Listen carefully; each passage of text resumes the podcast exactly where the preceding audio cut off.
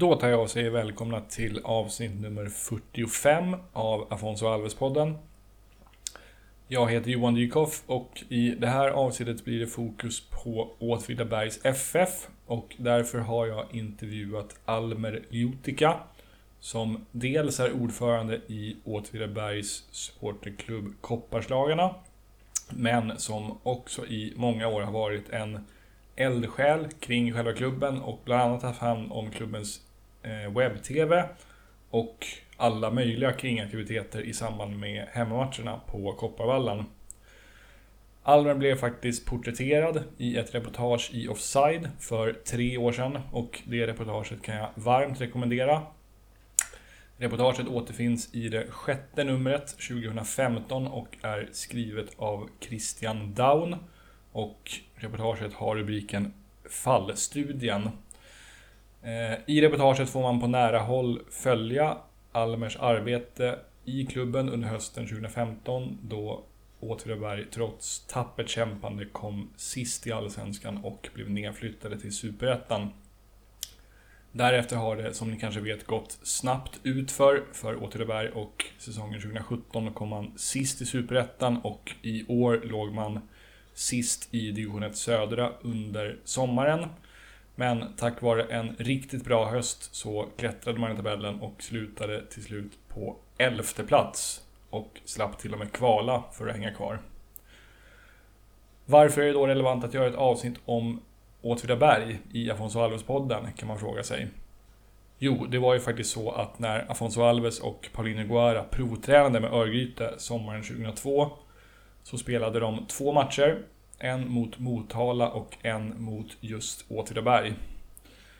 Mot Motala blev det seger med 15-0 efter 6 mål av Paulinho och 4 av Afonso. Och sen mot Åtvidaberg blev det seger med 12-0 efter ytterligare 6 mål av Paulinho och 1 av Afonso.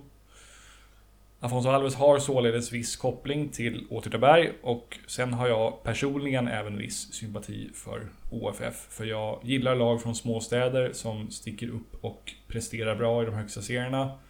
Och jag tycker det är väldigt tråkigt att det har gått så dåligt för OFF på senare år. Men kul att de hängde kvar i division 1 i år och jag hoppas på ett mycket bättre 2019 för dem. I den här intervjun så pratar vi bland annat om de brassar som har spelat i Åtvidaberg. Eh, lite grann om läget i klubben idag och vad Almer tror krävs för att lyckas bättre sportsligt framöver. Och avslutningsvis så listar Almer sina sju favoritutlänningar som har spelat i OFF under hans år som supporter till klubben.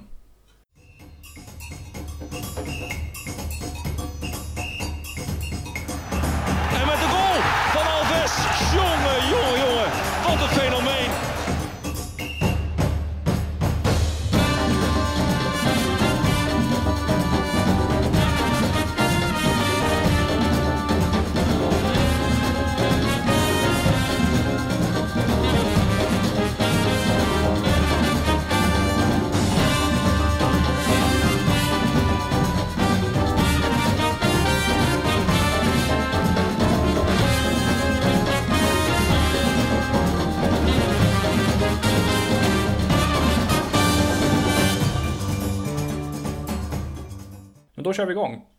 Då kör vi faktarutan först då. Eh, fullständigt namn börjar vi med. Almer Lutka. Mm, inga mellannamn eller så. I, nej, inga mellannamn. Eh, jag, är från, jag är från Bosnien så där har vi absolut inga mellannamn. Nej, okej. Eh, då kan vi se. Ålder. 41. Eh, kommer från respektive bor i. Kommer egentligen ifrån eh, Sarajevo. Flyttade till Sverige 94. Bosatta mig i Åtvidaberg och sen har jag bott i Åtvidaberg sedan dess. Eh, då ska vi se. Sysselsättning. Nästa fråga. Uh, långvarig uh, tjänst i Åtvidabergs fotbollsförening uh, som medieansvarig och uh, lite annat. Uh, avslutar den. Avslutade det i somras uh, och just nu egen, egen företagare. Eh, då ska se. Den här har vi varit inne på redan. Men favoritlag. Men det kan vara ett. Ett eller flera. Uh, ja, jag brukar säga så här. Uh, Milan uh, kommer nummer ett. Mm. Uh, nummer två Åtvidabergs FF. Nummer tre Liverpool. Ah, okay. No, no, no, nummer tre FK Sarajevo, sen Liverpool, sen OFF. Okej. Okay. Eh, favoritspelare genom tiderna och det kan också vara en eller flera och det kan vara nu aktiva eller sådana som lagt av. Alltså, man kan, jag kan uh, inte reflektera till uh, Pelé Maradona för jag minns ju så lite av dem. Mm. Men uh, den som jag var väldigt fascinerad utav var ju Marco van Basten mm. när han spelade. Och även Jean-Pierre Papin gillade jag med den elegansen. Sen tredje kan vi ta kanske Zinedine Zidane som eh, var en av de kompletta mittfältare uh, på den tiden när ja. han var som bäst. Ja, verkligen. Eh, tvärtom då, någon eller några spelare som du inte gillar av någon anledning? Oj. Uh, b -b -b jag gillade absolut inte Batistuta. Mm. Hur kommer det sig? Uh, alltså, Batistuta är en fantastisk person och så, men han gjorde alltid mål mot Milan. Och Milan torskade typ uh, alltid mot Fiorentina borta, vill jag minnas. Framförallt uh, på 90-talet när Battigol uh, var som bäst. Så honom, honom hade jag väldigt svårt. Uh, sen gillade jag inte Zlatan alls. Eftersom han spelade alltid uh, i fel lag. Först, uh, först i Juventus, sen Inter. Men sen började man ju gilla Zlatan. Han kom till Milan. Ja, det är klart. Så det, det är lite sådär, ja, du vet, känslomässigt som fotbollssupporter så, så är det ju så. sen om man ska ta rent generellt. Det finns ju många sådana spelare som man kanske inte gillar för de spelar i motståndarlaget men man skulle alltid vilja ha dem i sitt eget lag. Ja, just det. Roy Keane-figurerna, typ. Roy Keane är en sån, Sergio Ramos eh, en annan. Eh, ja, det finns Patrick Vieira till exempel. Han var ju också en sån här som man eh, verkligen avskydde många gånger. Precis. Men skulle älskat om man hade spelat i i ens eget lag. Ja, definitivt. Eh, ja, men det var bra svar tycker jag. Eh, nästa fråga. En spelare vars skor du själv gärna hade varit i, i ett visst ögonblick? Hmm. Ja, den är svår alltså. Mm. Uh, men jag kan tänka mig Zlatan han har ju varit med om väldigt mycket och väldigt... Uh, men, men Zlatans kvittering mot Italien. När han klackar i, ja, klackmålet liksom uh, för, för Sverige. Den, den hade jag gärna tagit. Faktiskt. ja. ska vi se, favoritsport förutom fotboll? Uh, all typ av sport egentligen. Mm. Uh, jag älskar, älskar nu uh, som sagt var, jag missbrukade sport. nu när man är egen företagare sen ett halvår tillbaka så är det lite mindre tid och så. Mm. Men jag, jag kan fascinera mig att kolla på snooker, jag kan fascinera mig att kolla på de här stora cykelloppen. Alltså OS är också så här där man kommer i kontakt med sporter. Så liksom, men om, om jag måste verkligen välja, uh, då får jag säga basket. Uh, basket tycker jag är riktigt jäkla kul att ja. på. Det är stort nere på Balkan, eller hur? Absolut. Ja. Uh, all, all typ av bollsporter egentligen är ju ruskigt roliga. Men, men liksom just var, varför just basket, om jag ska utveckla lite, är mm. ju liksom att en match kan ju verkligen se ut så här 30 poängslinjen för ett lag. Och sen, sen liksom blir det så jäkla tight så liksom ibland så avgörs ju liksom en trea den sista sekunden liksom. Det, alltså, det finns ju många sådana där upphämtningar som, ja, det är fascinerande på många sätt. Ja, jag håller med. Eh, främsta egna idrottsmeriter tar vi sen. Oj, uh, det, det, det, är inte stort. Uh, jag, jag, spel, jag slutade spela fotboll uh, när jag var 18 år. Mm. då drog jag korsbandet och sen väntade jag första barn. Och då var det liksom mer familjelivet. Under rehabiliteringen gick jag upp 25 kilo så det var ju svårt att komma, ah, okay. komma, komma tillbaka. Men eh, junior, juniorlaget i Åtvidabergs FF uh, kom jag upp till uh, eftersom jag började här då, där. Mm. Och i Sarajevo var det ju, i Sarajevo var det ju ungdoms, uh, ungdomslag.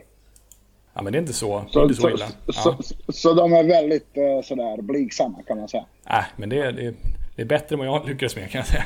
Men det, det ska du ha. okay. eh, så vi tar några frågor utanför eh, idrottens värld också. Eh, favoritland mm. eller stad som du har besökt? Uh, favoritland är ju Italien. Mm. Uh, på, på, på, många sätt. Uh, fascineras av uh, södra delen av Italien. Toscana-området. Mm. Som, är, som är väldigt vackert. Ja. Eh, så säga, favoritband eller artist? Uh, Dino Merlin. Uh, en, en bosnisk uh, välkänd artist. I, i övrigt är jag jättedålig på musik. Okay. jag, lyssnar väldigt, jag lyssnar väldigt mycket på Balkanmusik. Så. Mm. utanför de gränserna så är Bon Jovi en, en favorit. Ja, du är inget Winnerbäck-fan då? Han är ju nästan från dina hemtrakter. Nej, det, alltså jag kan, ju lyssna, jag, jag kan ju lyssna på det mesta. Mm. Uh, så. Men, uh, men som sagt var, jag är ju ganska dålig ja. på, på, på musik. Ja, okej. Okay. Eh, sen så tar vi eh, sista frågan i faktarutan och den lyder så här. Kan du nämna någonting så att säga mainstream som har gått dig förbi? Och för att ge ett exempel på vad jag menar så berättade han eh, Niklas Jarelind, fotbollskommentatorn, i en podd där han var med att han aldrig har spelat Monopol. Alltså något så här jättevanligt som du liksom aldrig har gjort eller testat eller så. Spikmattan. ah, ja, men vad kul. Den som var jätteinne för typ tio år sedan. Ja, ja. Men ja. Det, det, är liksom... Det är bara... Jag tyckte bara... What the fuck. typ, vad, vad håller ni på med liksom? Gud, så. En, en sån har jag hemma någonstans liggande faktiskt. nej, uh, nej. Inte ens uh, tank, inte ens tänkt tanken att införskaffa något sånt. Nej, var... så, så, så typ det kan man säga. Ja, kul och originellt svar. Eh, bra, men det var faktarutan. Då känner vi lite bättre som person. Så då kan vi gå vidare till liksom huvuddelen av eh, intervjun. Och mm. om vi till att börja med eh, går tillbaka till sommaren 2002. För det var då som Afonso Alves provspelade sig till ett kontrakt med Örgryte. Bland annat genom en match mot just eh, Åtvidaberg. Och kan du berätta lite grann liksom, var du befann dig i livet och hur ditt supporterskap till OFF såg ut sommaren 2002? Oj, den var egentligen inte speciellt stor då. Mm. Uh, det, det började där någonstans 2002-2003. Uh, jag vill minnas att det var faktiskt 2002 som uh, det startades en svensk, uh, eller svensk, vad ska man säga, på svenska fanns, då fanns ju bara England och Spanien tror jag, Italien, alltså de här stora, stora länderna. Mm. Och då vet jag att det började startas upp en uh, svensk uh, likadan. Och då blev jag tillfrågad om jag skulle kunna tänka mig att uh, börja skriva om Åtvidabergs FF mm. uh, på svenska fans. det var därifrån egentligen det hela började. Så, så jag var liksom, jag gick ju på matcher men inte i samma, samma utsträckning som, som, som då. Så någonstans började det växa mitt intresse egentligen där någonstans. 2002, ja. 2003. Och det var ju precis året innan så, så klarade sig Åtvidaberg kvar i division 1, dåvarande division 1. Uh, vi var utdömda, uh, låg sist i kvalet och sen uh, gjorde en jättefin höst. Så gick vi upp i, i Superettan då. Mm. Skulle du säga att du har någon liksom relation till Afonso Alves som spelare? Eller vad, vad dyker upp i skallen på dig om du hör hans namn? Nej men alltså, i och med det var så pass länge sedan. Men det är klart att man minns eh, först eh, hans genombrott i, i ÖIS. Mm. Uh, och, sen, och sen Malmö. Uh, sen gick han väl vidare till uh, Heerenveen, jag minnas. Men jag, jag minns honom som en uh, sån här komplett anfallare som, som, som var riktigt duktig. Alltså han kunde göra mål på flera olika sätt. Mm. Uh, han kunde dra iväg på djupet, han kunde dribbla sig fram till, till uh, lägen. Sen, sen, sen var han ju sån här som, som förr i tiden kallades goalgetter, du vet. När man nosar sig fram vart bollen ska hamna. Uh, så, så, så, ja. Riktigt bra uh, målskytt på, på många sätt. Ja. Eh, du var inne på att han gick till Heerenveen sen efter tiden i Sverige. Hur, hur, liksom, hur pass bra koll har du på hans karriär efter tiden i Sverige? Ja, inte speciellt mycket mer än att han gjorde väl avtryck i, i Herefein och, och, gjorde ganska många mål där. Och sen gick han väl... Eh, det snackade... Var, blev inte han värvad till eh, England också? Precis. Minnas Middlesbrough. Middlesbrough. Sen gick han väl till Qatar eller något sånt. Saudiarabien alla fall. Exakt, Qatar. Där. Det är väl ungefär det som jag minns av honom så är på rak arm. Ja, ja men du, absolut att du, du har ju koll på vad han gjorde sen efter tiden i Sverige.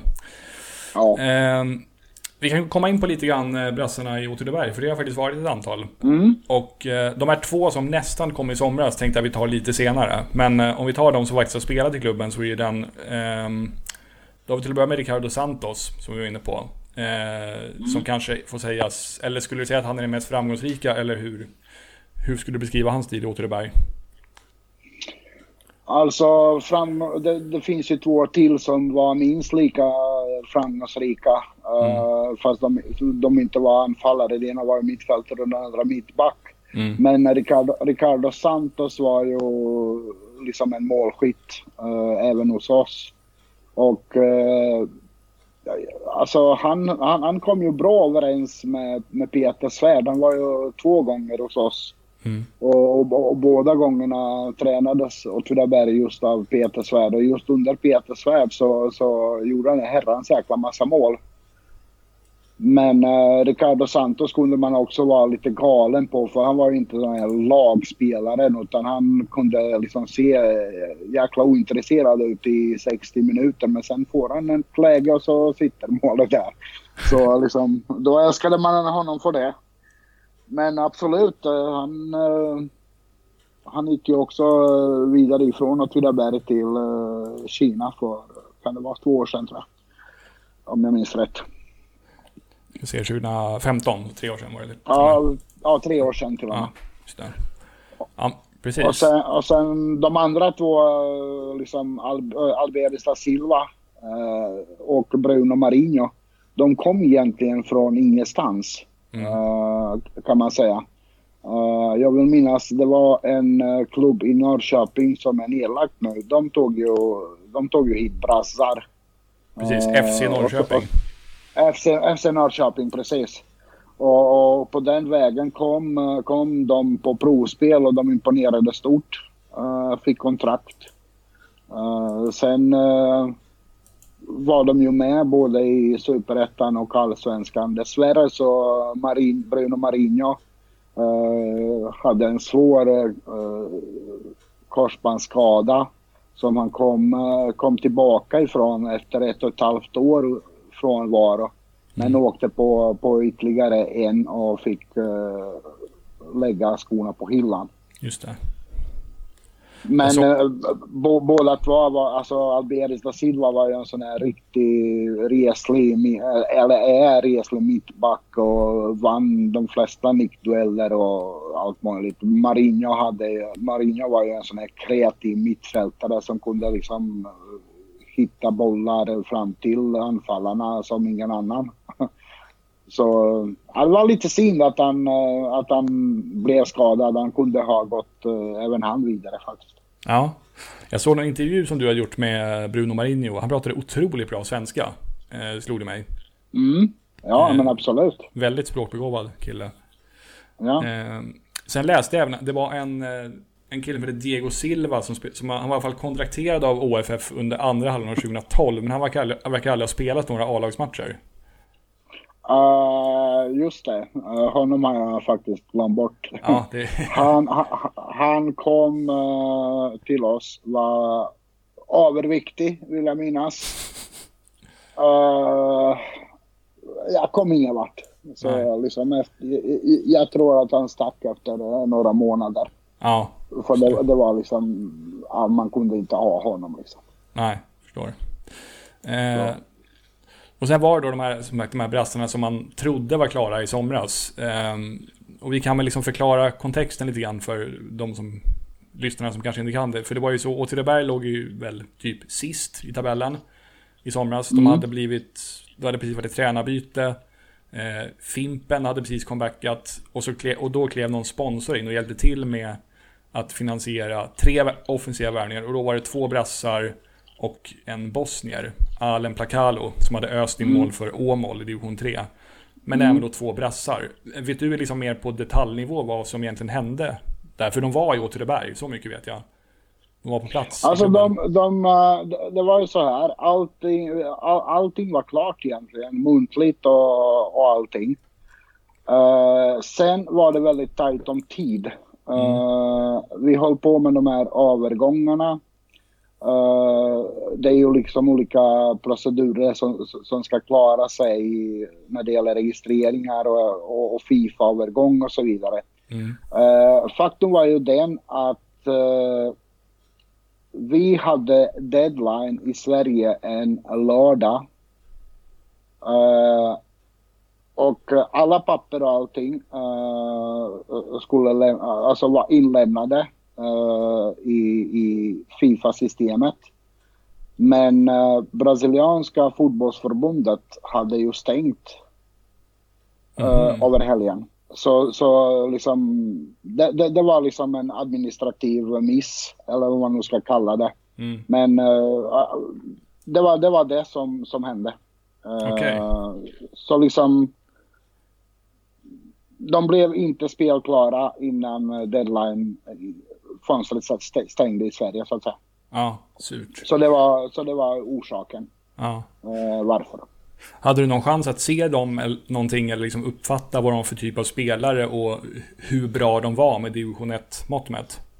Nej, alltså en eh, som fortfarande är aktuellt, Luis Suarez, eh, var riktigt, riktigt bra. Mm. Och eh, jag skulle vilja säga att han håller hög superettan-klass. Uh, faktiskt. Uh, den andra var väl lite sämre. Mm. Men skulle absolut inte göra, uh, gjort bort sig i, i division 1. Okej. Okay. Um, men den här Placalo som ju faktiskt kom till klubben, uh, mm. Bosnien, han gjorde ju riktigt bra, eller hur? Och hur... Um, gjorde han sju mål på elva matcher och sånt där. Och han, måste ha, han betydde väl väldigt mycket med sina mål, för just offensiven var väl det som gick trögt där i början på säsongen. Absolut, han gjorde åtta mål uh, under, under hösten och mm. uh, jag är god vän med honom. Ja. Uh, I och med att han också kommer ifrån Sarajevo och sådär och sen bor han i Åtvidaberg så han känner inte sådär jättemånga. Uh, och jag och min sambo driver en restaurang så han brukar komma och käka och hänga lite på restaurangen och sådär. Uh, för att mm. driva tiden och sådär. Men uh, absolut, killen var en av de spelarna. Fimpen givetvis, att han kom tillbaka. Uh, betydde en hel del. Och sen han, uh, Placalo då, som, som gör ändå åtta mål Uh, under hösten är st stora bidragen varför uh, vi klarar oss kvar. Uh, som, som du nämnde, liksom vi hade, vi låg i tok sist innan uppehållet. Mm. Men, men ser man liksom så blev vi ju jag har inte siffrorna i, hu i, i huvudet, men jag skulle tro att vi var tredje bästa lag under hösten.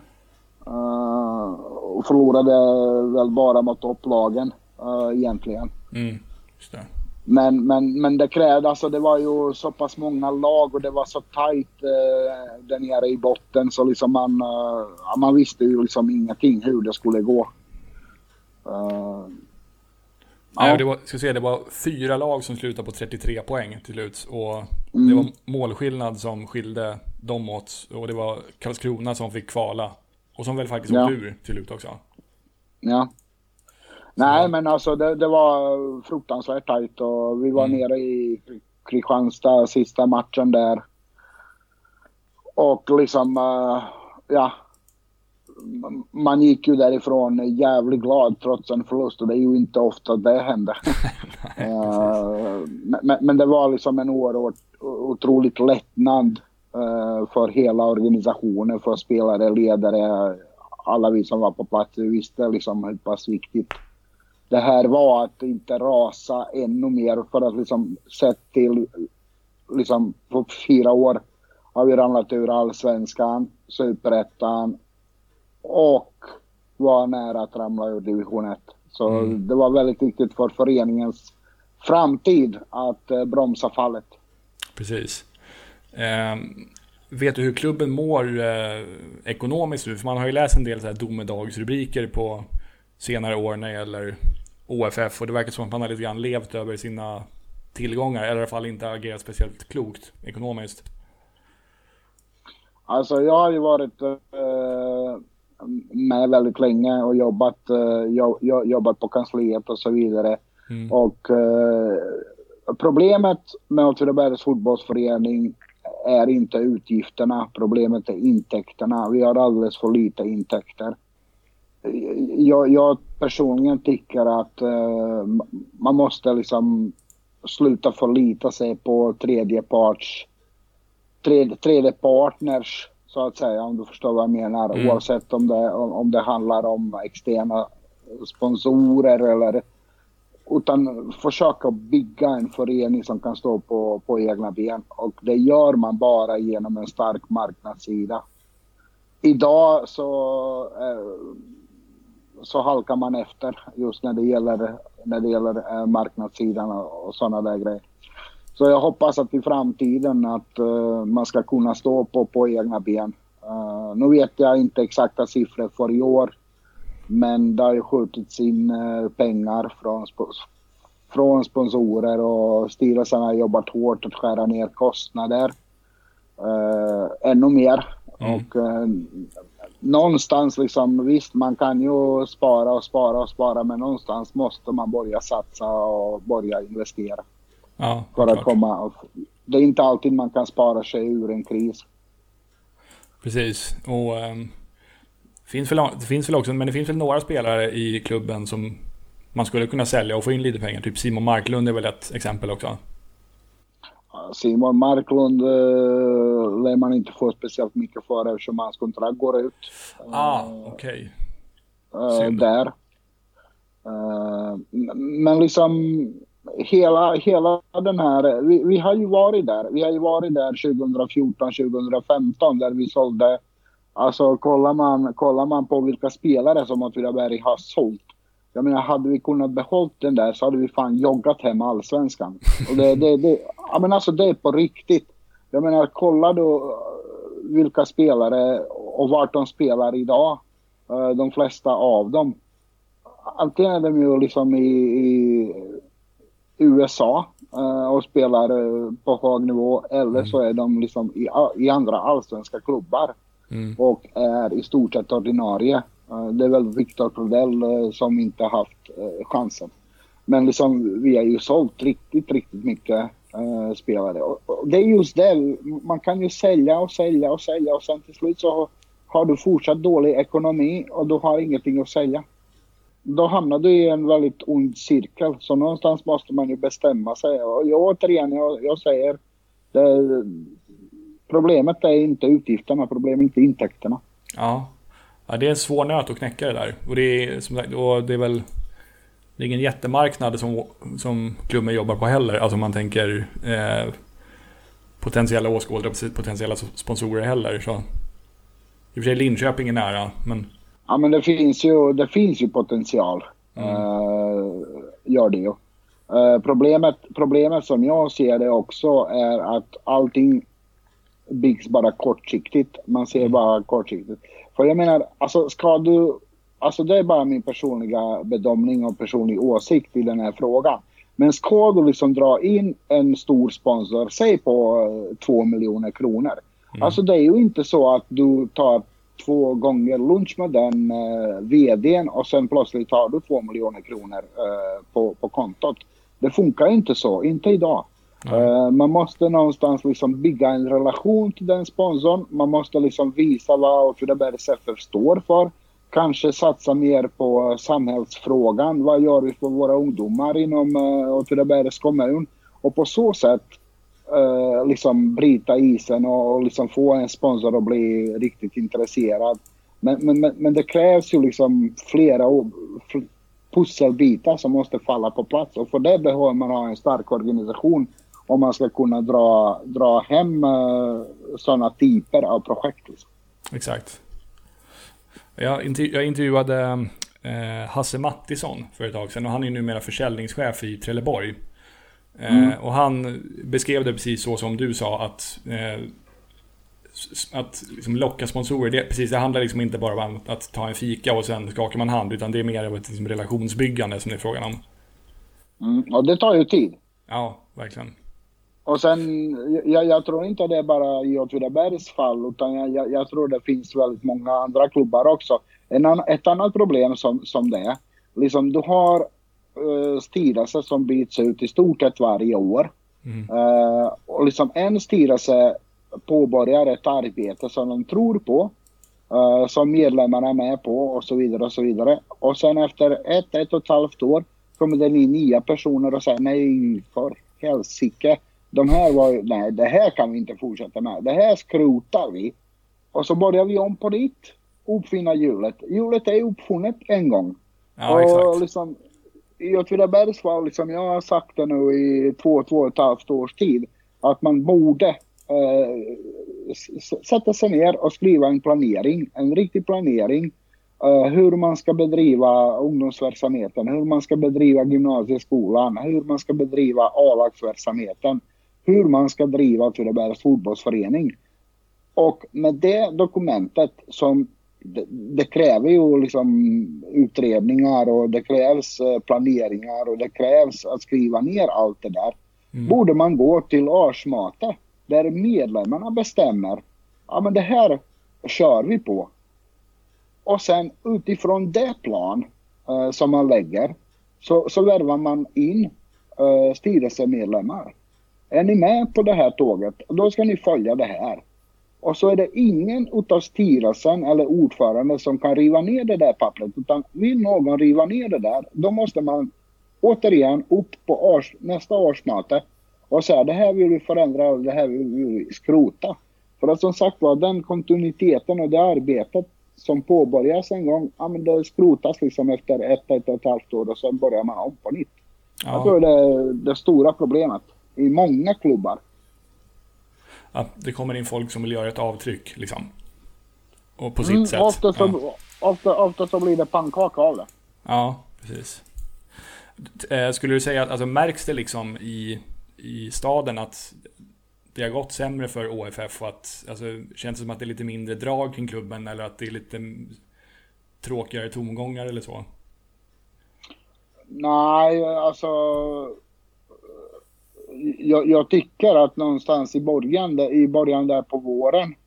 Uh, vi ska komma ihåg att vi gjorde faktiskt riktigt bra kuppspel där vi matchade både Östersund och, och Kalmar. Spelade vi 0-0 och spelade jämnt med Östersund och sen får vi förvisso bort, borta mot Trelleborg med 3-0.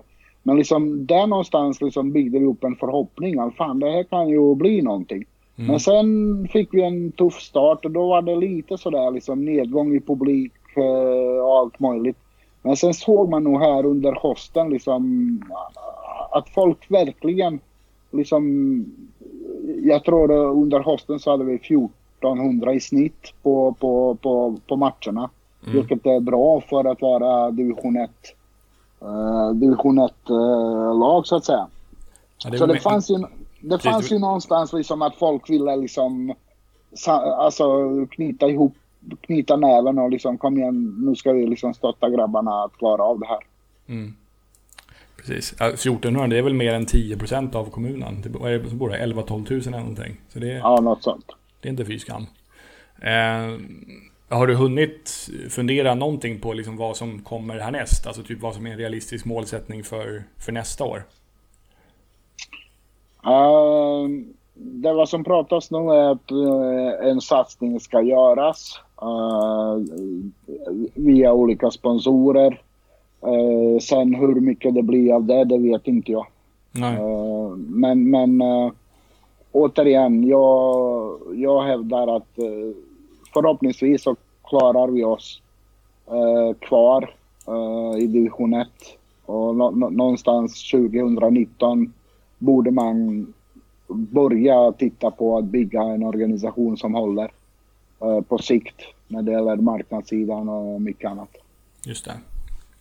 Um, det finns ju några lite äldre spelare i truppen. Eller det har funnits det under säsong, nu, den här säsongen. Typ Fimpen, Kristoffer Karlsson och sen gjorde faktiskt Daniel Hallingström comeback också i slutet mm. där. Han var ju huvudtränare först, sen avgick han och sen comebackade han som spelare under hösten. Mm. Um, vad händer med dem nästa år? Fimpen till exempel, fortsätter han? Uh, Fimpen uh, tror jag att han kommer att uh, fortsätta. Mm det är i alla fall vad han har sagt i lokalmedia. Uh, mm. det, det, senaste att han kommer att köra ett år till. Daniel Hallingström tror jag inte. för han, han, gjorde ju i stort sett bara en återkomst. för, en återkomst för att hjälpa att hålla oss kvar. Kristoffer mm. Karlsson vet jag faktiskt inte hur han, vad han har i tankar. Nej, okej. Okay. Han är inte så gammal, han borde, han borde kunna lira några år till. Men det beror på vad man vill prioritera förstås. Ja, men det är lite så. Uh, sen, sen, sen Kristoffer är ju, man vet vad man får av Kristoffer. Han är riktigt kämpe och liksom, när han, man vet också liksom allt annat än uh, avstängning var tredje match. Uh, är, ju en, är ju en bonus liksom. Men uh, det, är, det är hans spelstil och han har alltid, han har alltid spelat likadant. Så på så sätt gillar man ju, gillar man ju det. Ja, igen. Eh, finns det någon gammal OFF-spelare som det liksom är realistiskt att tro ska komma hem snart och hjälpa laget? Uh, jag vet inte vem det skulle vara i så fall. Nej. Uh, för att liksom de, de killar som, som är någonstans tjänar ju så pass bra med pengar att vi aldrig skulle kunna matcha något sånt lån liksom. Nej, det är en knepig, knepig, knepig det, det, det, Hade vi spelat till Superettan så kanske en sån som, jag vet inte, kanske Viktor Prodell som, eh, som är utan kontrakt i Elfsborg kanske kunna, skulle kunna tänka sig att ta klivet ner. Ja, just det. Eller han eh, Skodran Maholli kanske? Skodran likaså. Men, mm. eh, men division 1, nej. Nej, är det eh, lite... jag, jag, jag hade väldigt svårt att, att, se att någon skulle göra, liksom kliva från allsvenskan. För att i superettan finns ju inga OSS uh, eller jo, det finns det ju. Nej, det, jo, nej, de har ju också gått upp där. Uh, Erik Moberg, Jönköping. Ja, precis. Men uh, nej, Erik Moberg, han, uh, han stack ju. han tänkte lite för mycket på sig själv när, han gick, när han gick ifrån Åtvidaberg, så det, det tror jag inte. Nej. Um, är du ordförande i Kopparslagarna fortfarande förresten? Ja, det är jag. Ja. Uh, jag tänkte bara komma in lite kort på det också. Um, uh, hur skulle du så att säga, säga sälja in att vara, det här med att vara engagerad i en uh, supporterklubb? Alltså varför är det så kul och så givande enligt dig? Alltså, den gemenskap eh, som finns inom supportkulturen, eh, går, alltså det är ju som en familj. Mm. Där man tar hand om varandra, alla är polare med, med varandra, man träffas, man gör eh, målar tifo, man åker på borta matcher. Man festar ihop, man har kontakt varje vecka. Alltså det är ju mycket, mycket sånt. Alltså det går ju inte, det går ju egentligen inte att beskriva riktigt, riktigt ordentligt vad, vad, vad det innebär förrän man har upplevt det själv. Nej. Hur, hur många medlemmar är ni nu? Vet du det? Vi är nog inte så jättemånga. Det dropp, det, vi har droppat av på senare år faktiskt. Okay. Vad kan vi vara? 30-35 kanske. Ja, det är så okej. Okay. Och det har, det kanske... Men vi har, vi har, alltså det finns inte, det finns inte intresse helt enkelt. Så vi, vi, vi har ju varit väldigt passiva de mm. senaste, mm. de senaste två åren egentligen. Uh, för att liksom man märker liksom, det finns inte fan vi som står i klacken och som är med i styrelsen och som håller i kopparslagarna, vi är liksom 35 plus, 30 plus. Alltså, det finns inte de här 18, 19 till 25. Det finns inte hos oss egentligen.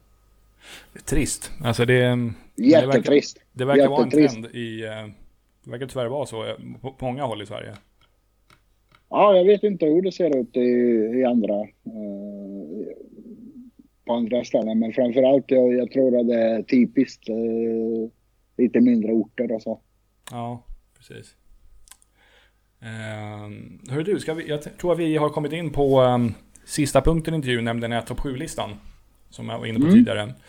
Ja. Och uh, det är då ett stående inslag i podden som jag har där alla som jag intervjuar får uh, ta fram och presentera en sån här topp 7-lista. Och det är lite olika ämnen då beroende på vem jag intervjuar. Uh, men kan du gissa varför det är just topp 7 som, som gäller? Mm. Och in, inte topp 5 eller topp 10? Nej, jag vet inte. Vad... Eh, det är för att Afonso Alves i en match i Heerenveen gjorde sju mål. Okej. Okay. Okay. Eh, så det är en slags referens hitåt. De vann med 9-0 han gjorde sju kassar. Och slog för övrigt Marco van Bastens målrekord i eh, Nederländska ligan. Jag förstår. Så då har jag kört eh, topp 7. Och för din del så eh, valde jag ämnet eh, topp 7 favoritutlänningar i Åtvidaberg mm. under din tid som supporter.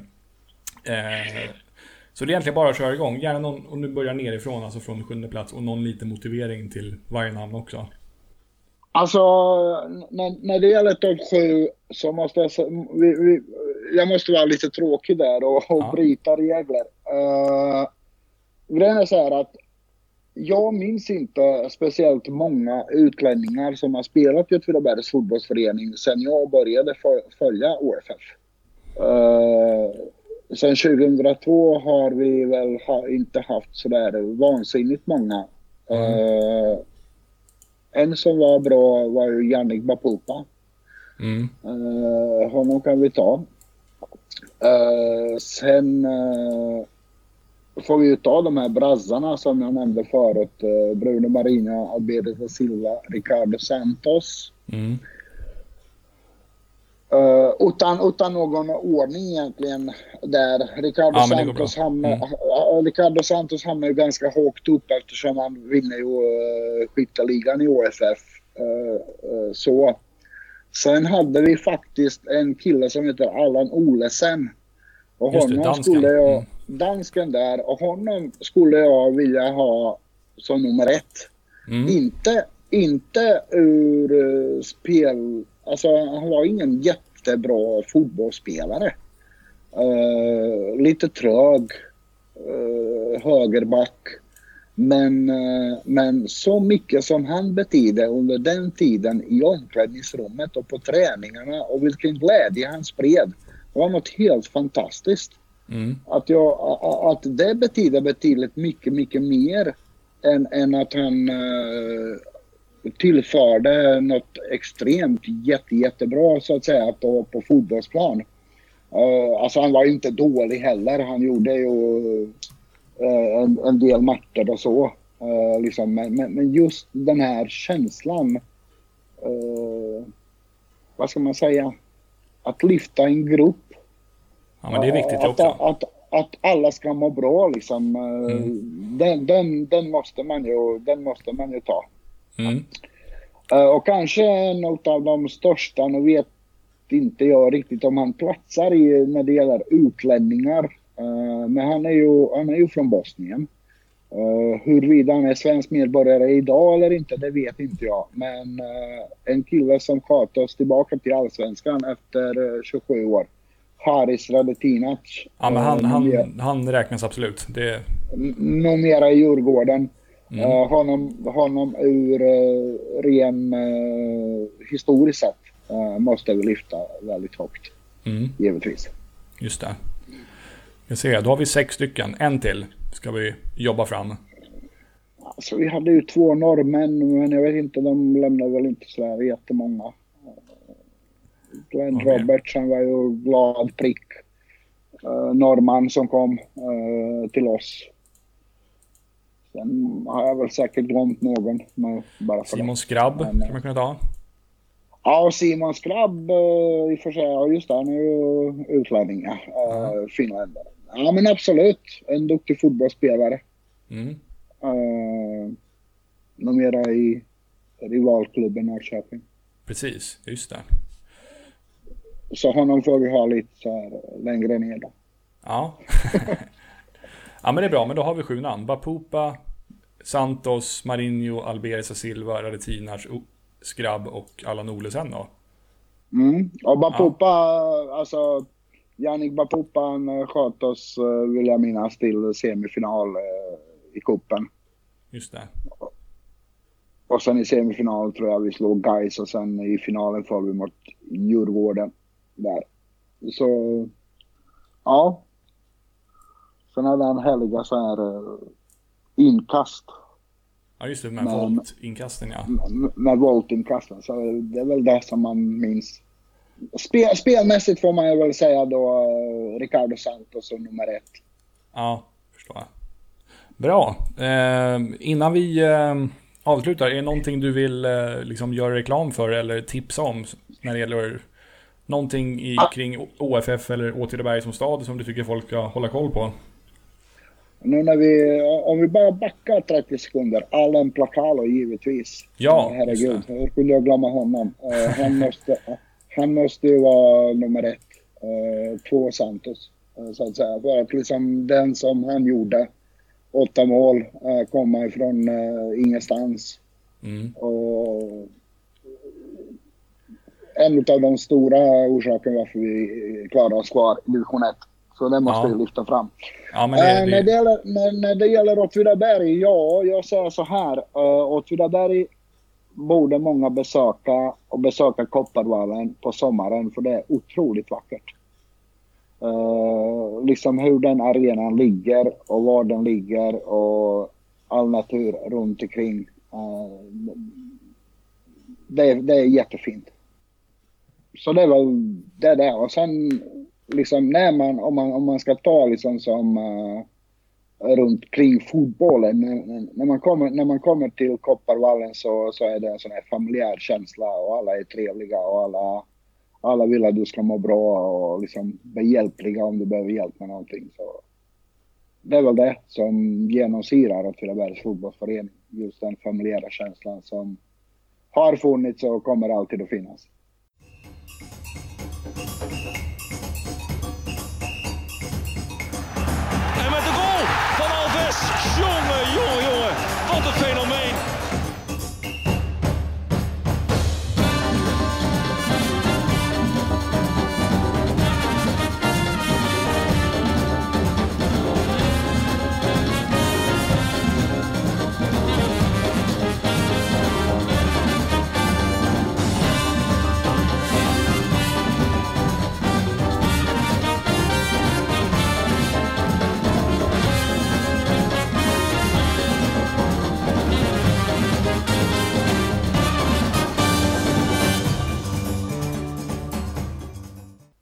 Sådär ja, då tar vi och tackar Almer Ljotika för att han tog sig tid att ställa upp på den här intervjun och vi önskar honom såklart all lycka och medgång framöver där i Åtvidaberg.